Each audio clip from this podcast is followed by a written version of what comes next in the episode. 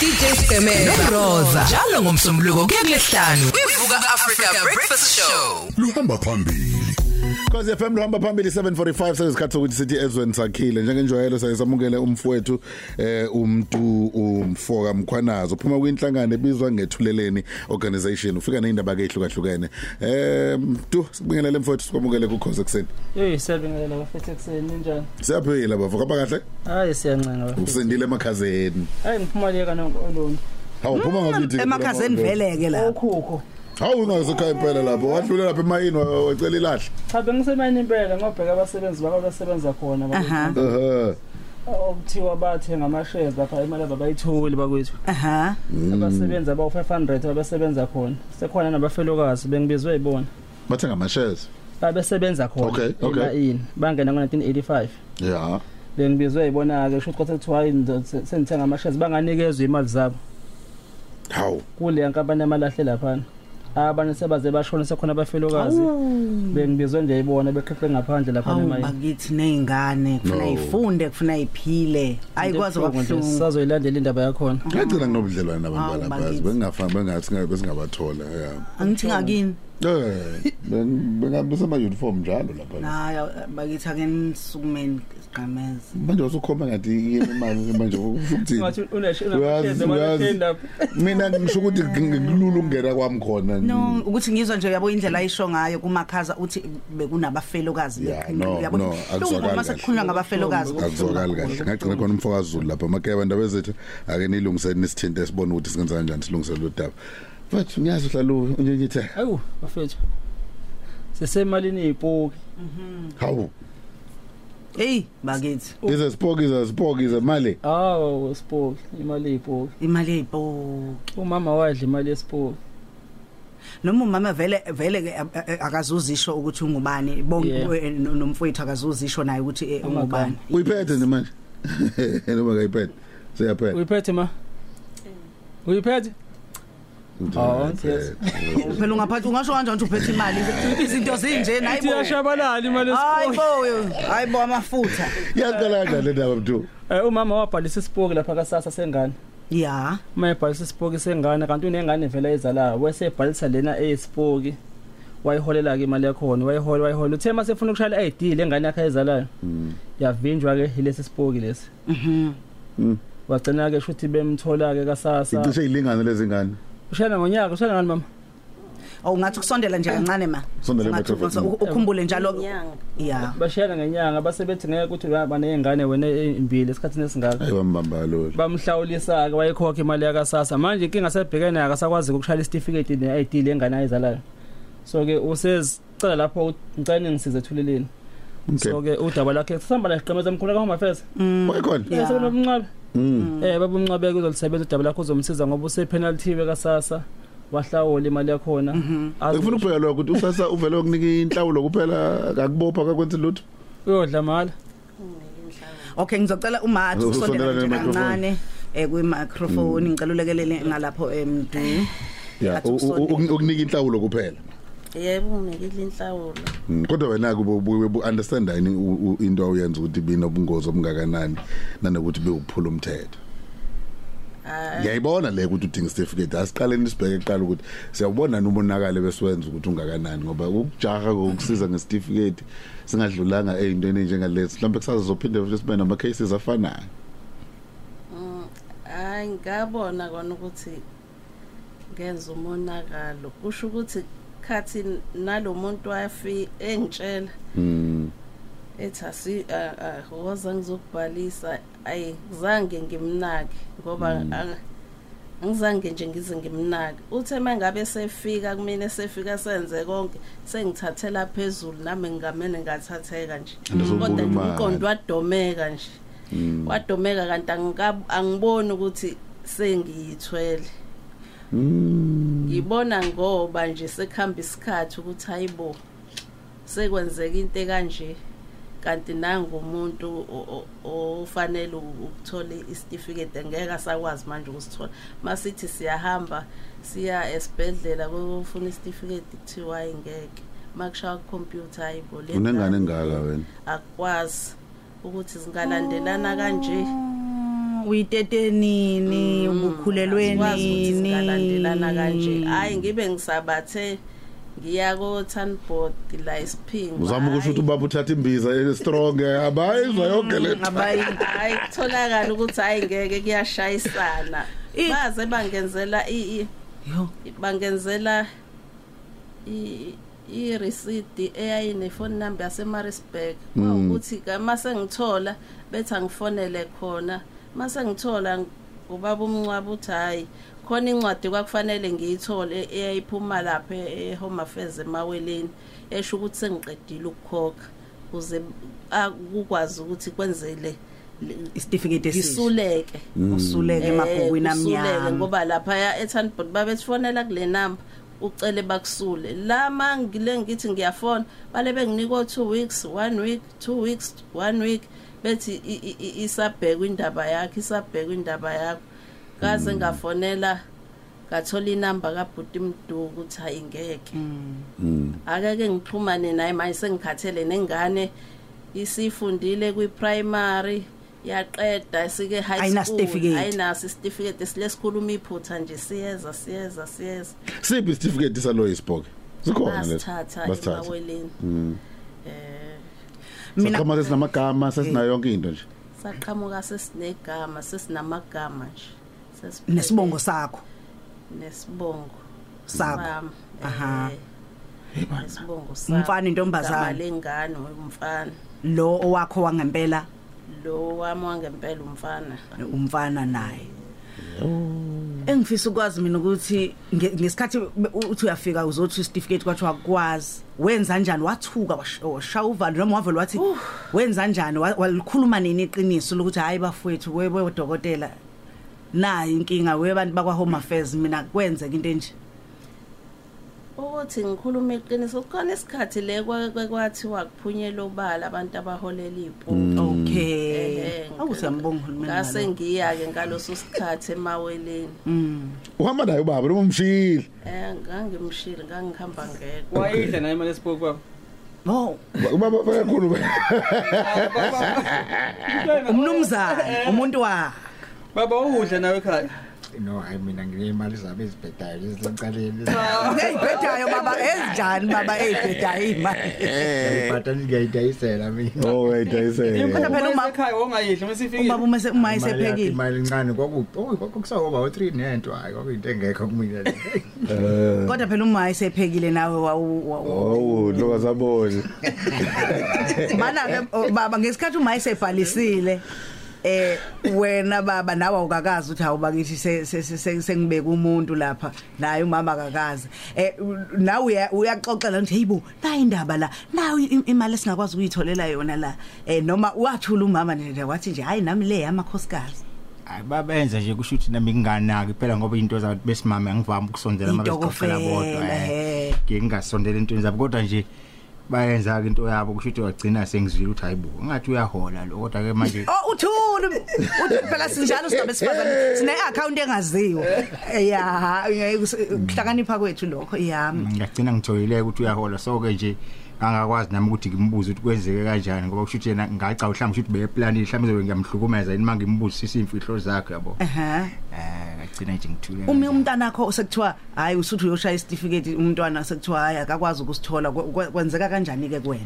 Ayi, usucabanga kwabuhlungu. sonke lesimo ke lesi. kwabahlungu kakhulu ngoba umfana ohlakaniphe kakhulu loyana bekabuye ngisho esikoleni afika sixoxela ukuthi yazi esikoleni ngibuza certificate manje ngivele ngingazi.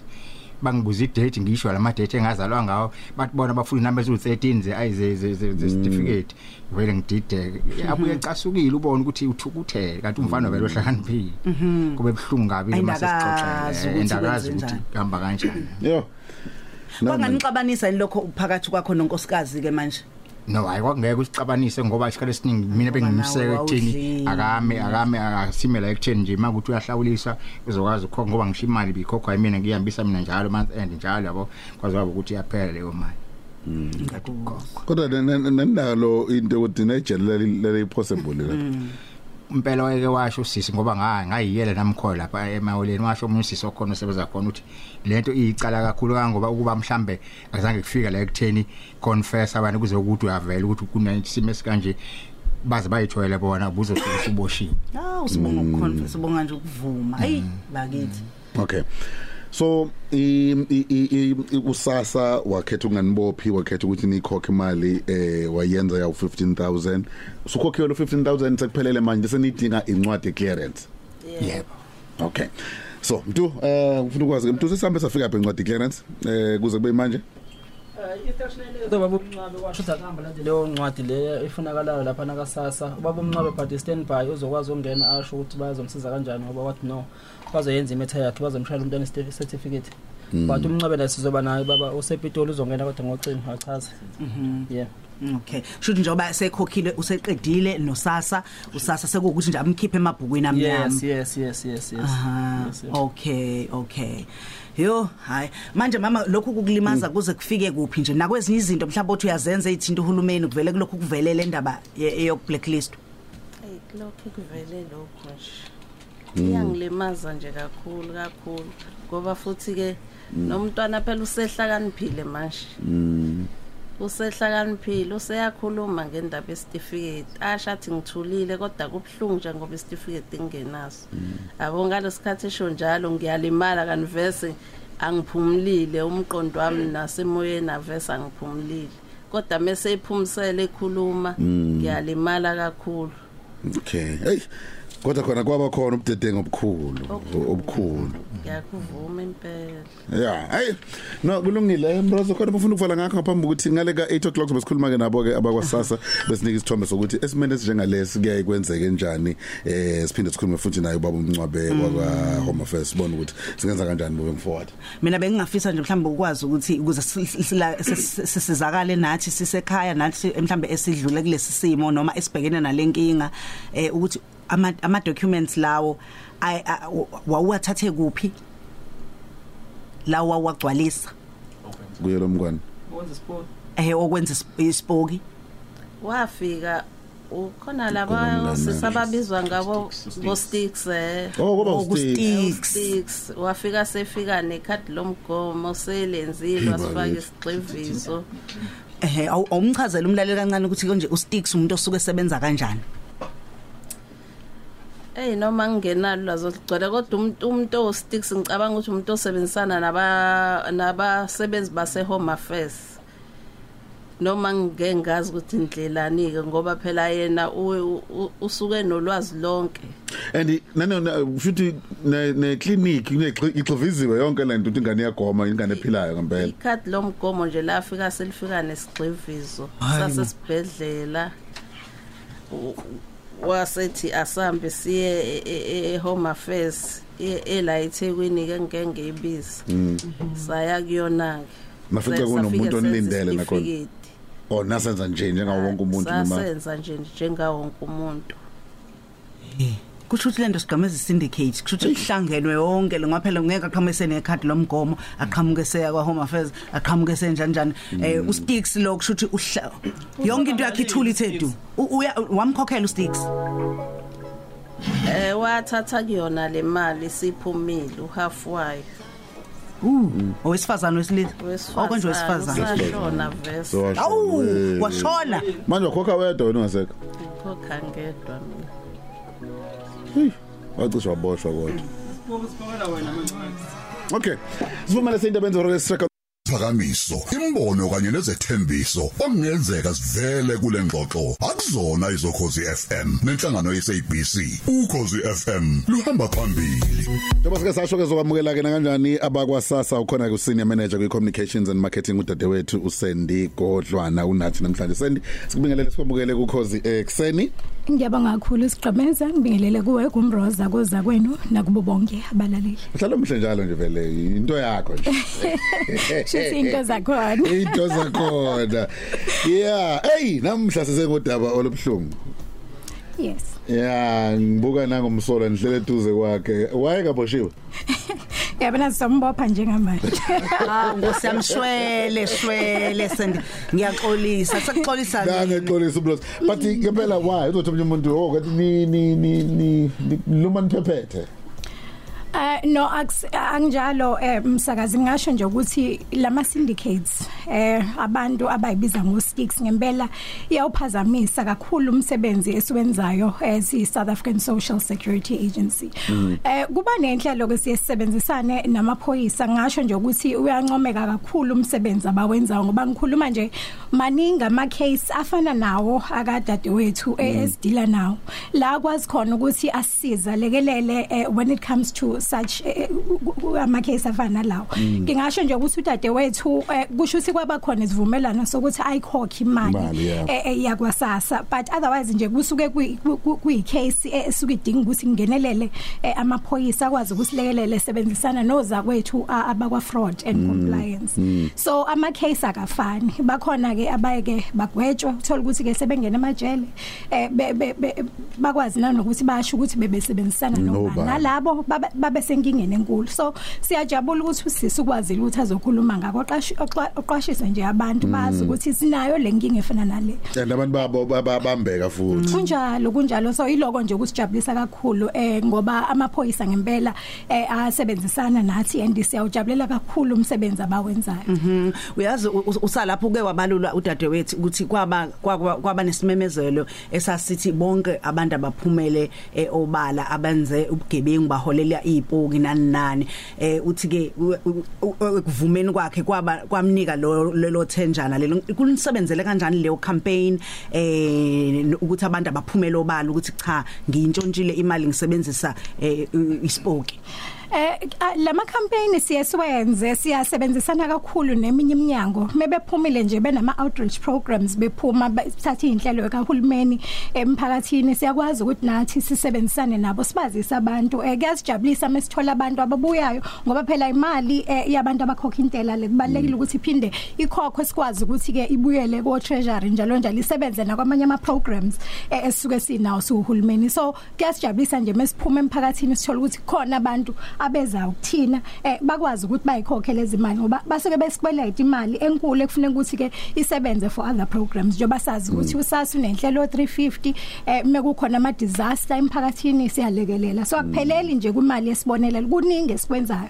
Siphinde sithengise ke, or rather si si si sibe ne school uniform i uniform esikwazi ukuthi silekelele kuyingane engathathi intweni ezisuke em- emphakathini la isuke edinga khona usizo olukhulu olusuka kwasasa so iningi indlela esinazo. Le mali ke isebenza ke kulezo inhlelo and sisuke siyidinga ngempela. Ingakho ke siyesijabule sithokoza kakhulu mebebuyela kuthina eh, zibuya lezi mali. Lukhona uphenyo olwenzekayo ngodaba lwakho sisi ukuthi ubani? Mhlambe ngaphakathi kasasa owabanesandla ukulekelela. Eh ingakho ngi- ngisho ukuthi kuye kubaleke kakhulu ukuthi sisebenzisane eh not just nabakwa fraud and compliance abakwa SASSA but namaphoyisa. Bakwazi ukuthi ke ngempela ke basisize kakhulu kuma case afana lawo. Ingakho bebaningi abantu esithola ukuthi ke bayagwetshwa. Ngenxa lokho abanye basikhokhele nalezi imali abaseyikweleto eh kuyasiza kakhulu. So ukusebenzisana nje namaphoyisa nanokuthi ke manje siphinde sisebenzisane ne National Prosecuting eh, eh, Authority. Authority, yeah. prosecuting authority. So kuyasiza nje ukuthi from the case i- i- i- iqala ikhe- i-case sisebenzisana nabo bonke. La pick up khona amaphutha ashesha alungiseke kuze sikwazi ukuthi laba basuke eh, benza ke becommita lama crimes eh, ngempela ke bayithola eh, begwetshwa be- be- beboshwa amaphoyisa. And ke eh, s- s- siyabazisa nje abantu bakithi ukuthi ngempela ngempela eh, a- a- asingasebenzisi labo sticks ngoba ke imali yabantu abakhokha intela and ke le mali siyazi ukuthi isiza kanjani emphakathini eh, kwinhlelo zakwasasa esisuke sinazo esengi eh, ebalulile 20 minutes after 8 sendifuna ukubuza lo mbuzo direct before siye kubaba umncwabe. Kwi case kasisi noma singamreveal singaveza ama details akhe eh ku one sticks sewashona but eh, ngithanda into yathi ibuzo umrozo ukuthi ngaphakathi kinina abasuke bekhona bayavela yini ngifuna ukubheka. Bakhona abantu ababoshiwe nabavela ku- kuyena because uma lento lena ibandakanya umuntu oxivize ikhadi lase lase clinic or lasesibhedlela mhlawumbe ophindwa ne access kwi system yenu kusho ukuthi akuyena umuntu oyedwa lo besebenza no sticks noma engasekho sticks Yes, uh, kunjalo nje ingakho ngisho ukuthi ukusebenzisana namaphoyisa kuyasiza ngoba within your system laba abantu bayakwazi ukuthi ba investigate internally eh kunama processes esiwalandelayo thina su government eh siphinde ke eh, bakhona baboshiwe nje case ba- bakhona impela ba- ababoshiwe so ingakho ngisho ukuthi ke kuyasiza kakhulu especially abantu bebesheshe beze kuthina bezosazisa eh, bekhonjwa nalabo abantu abasuke besebenzisana nabo abasebenzi bakwasasa Bakwasasa. yize noma ke sinazo inhle inhlelo eziningi sesino biometric gingqwithupha abasebenzi eh eh, ziningi inhlelo esesi introduceile kwi system ukuqinisekisa ukuthi ngempela ngempela siyabugwema ubugebengu obufana lokho eh so ke siyazama nathi su government eh ngakho konke kusemandleni ethu ukuthi ke eh, kulungiseke lokho. Mingaki iminyaka engayithola bangathiwa ngiba- ngiyabanjwa. Mhlawumbe ngimaka nenhlahla njengosiso weza nesikhathi sikashwele. Hey eh senga Ngiyakho ke case ne case. Se- i-case ne-case yes. Uyabona. Ke ya kulungile. Unga- ungakahamba samukele u Home Affairs sikhulumeke nelinye lamaqhawe la KZN Provincial Manager kwa Home Affairs ubaba uCyril Mncwabe.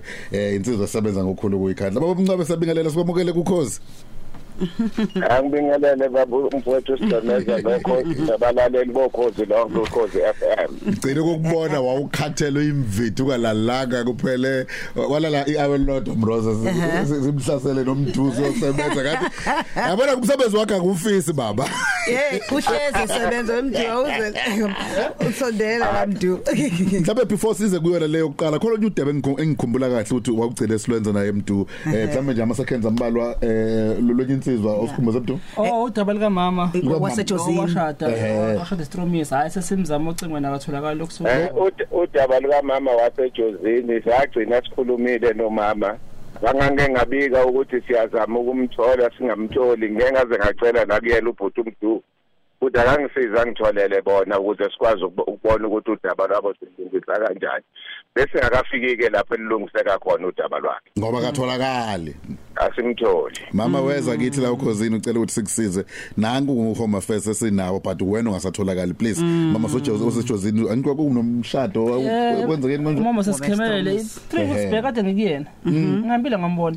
Ngaya khona ke nejozini ngambona. Aha. Ukuthi akabe stand by manje mase samthola ecingweni Oh aso kusho ukuthi na- emakhaya phela nane load shedding nani nani zonke lezo zinto ne network kodwa ke mhlambe ukutshela nje umlaleli eh, kancane washada umama engaqondile ukushada. Wayekade istromise emshadweni kamngani wakhe. Kusho ukuthi ngesikhathi umfundisi sehambisa izinto epitoli kwase Washadisa. kuyaphambe kwaphambana yena wazithola eyistromise seshada nomkhwenyana kamngani wakhe. Umfundisi wacela shonela khona umfundisi wabashadile Ehe, umkhwenyana. Umkhwenyana lo mkhwenyana usegcine wash- washona. Umkhwenyana. Khona yakho umama lo. kanti naye um- um- umama unowakhe umkhwenyana. Lungiliyeke indle iyeke bambe mfana asikene kunansenye kulezi eyingaka esinazo. Semlalelo khoze FM uvulela umsakazo ukhozi. Sikhuluma nodade wethu Sandy Kodlana uyi senior manager we communications and marketing eh kwasasa. Phinde futhi kube khona ubaba umnumzana uCyril Mncwabe eh uyi provincial manager la esifundazweni sakwaZulu Natal kwi home affairs. Bese siba no anonymous about 2 eh ababekade behola beholela imali eh yispoke ngithi bebe ngoba vele bafike njengomuntu oyedwa phela. Wathiwa basenishadile ningumuntu oyedwa. Baba Mncwabe nakho kusekwenzekile la. Istory esikhona sithi eh umama wavuma ukusetshenziswa labamsebenzisayo ukuze athole imali. Kwakhiwa isitifiketi esingekho eh kwa home affairs sengane. Uma sethola umntwana ucisha lingane ncamashi nalo hayi bambambe bathi we can't register again ingane engaka ezalwa umuntu oyedwa. Well usekhokhile amacala akhe. Imali bekade ikweleta usa usasa isikhokhiwe eh sesingasho singasho ukuthi usecleared eh senda ngithi? Yebo usecleared kwenze kanjani manje ukuthi lengane esifela ubala eh ngisebenzisa igama lokufa ekuthenini ikwazi ukuthola isitifiketi eh igcini ibaliwe nayo njengomuntu omhlalo seningizimu Afrika? Because ayina certificate asibange senzeka emveni kokuba kukhona isitifiketi esomgunyathi somuntu ongaphili Eh futhi sisemeza udaba lomntwana sizozama ukulungisa. Siyasijabule nje uma ngabe kuukuthi umama womntwana uye wabambisana nenhlaka zomthetho nama department asuke ephakathi kulolo daba onjalo.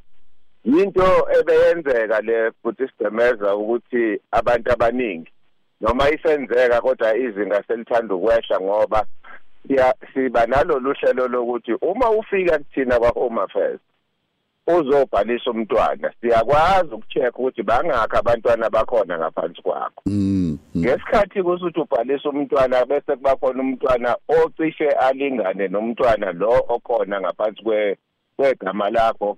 Uyawuzithola sokuhlangabezana nenkinga ke ukuthi awusakwazi ukubhalisa lo munye umntwana ngoba phela wena unayo umntwana olingana naye. Uma kwenzeke leyo nto efana naleyo siyasimluleke kumuntu ukuthi ke okubalekile ukuthi abambisane nathi ngokuthi alikhuluma iqiniso ukuthi kwenzakalani.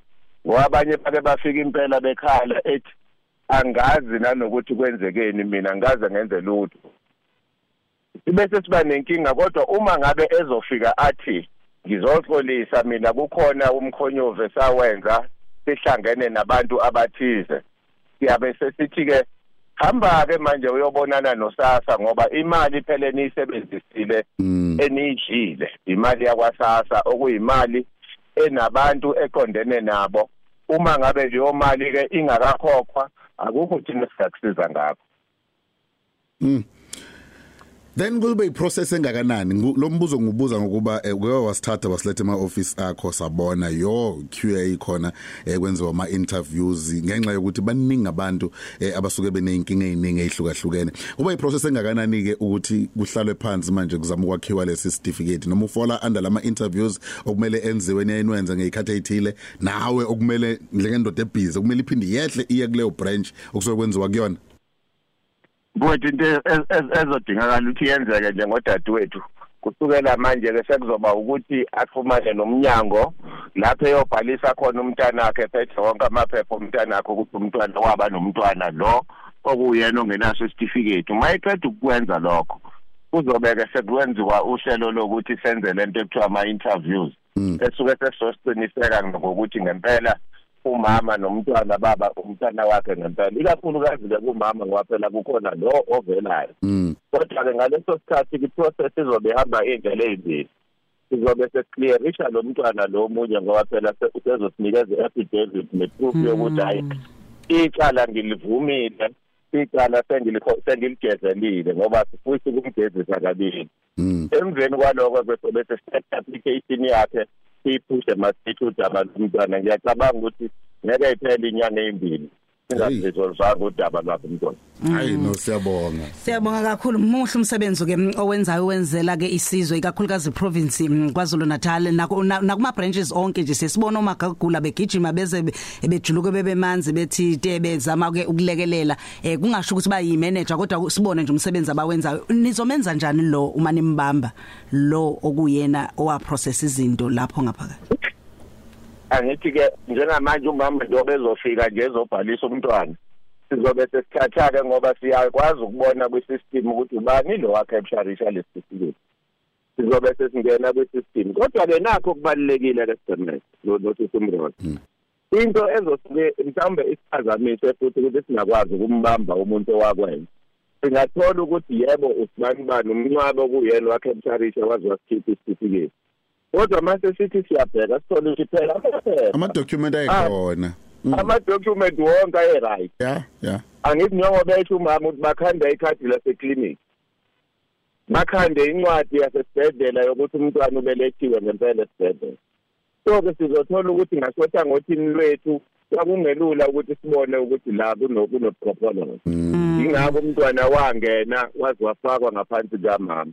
Yingakho-ke siyasithi hamba-ke ukhokhela usasa wena uzosilekelela. Ngizwile-ke kancane ukuthi-ke lo la bese yasithi amarana kumbe abantu aba- abalida i-syndicate omunye wabo yena-ke wayebasizile akasekho. Mhlawumbe soba nenkinga lapho but-ke lukhona uphiko lwe- uphe- uphiko lwethu esilibiza ukuthi counter corruption. Abazoxoxisana nomama kodwa yena umama siyamxolela edabeni olwenzekile. Kuphela ngithi abambisene naye.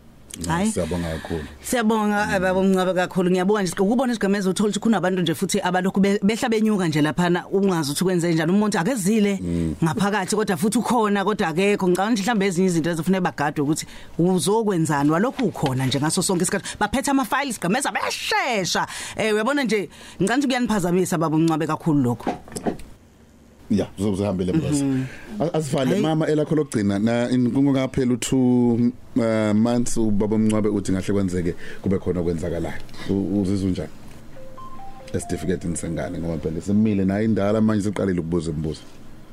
Hayi ngizwa ngijabule. usondele nje kancane mic yakho?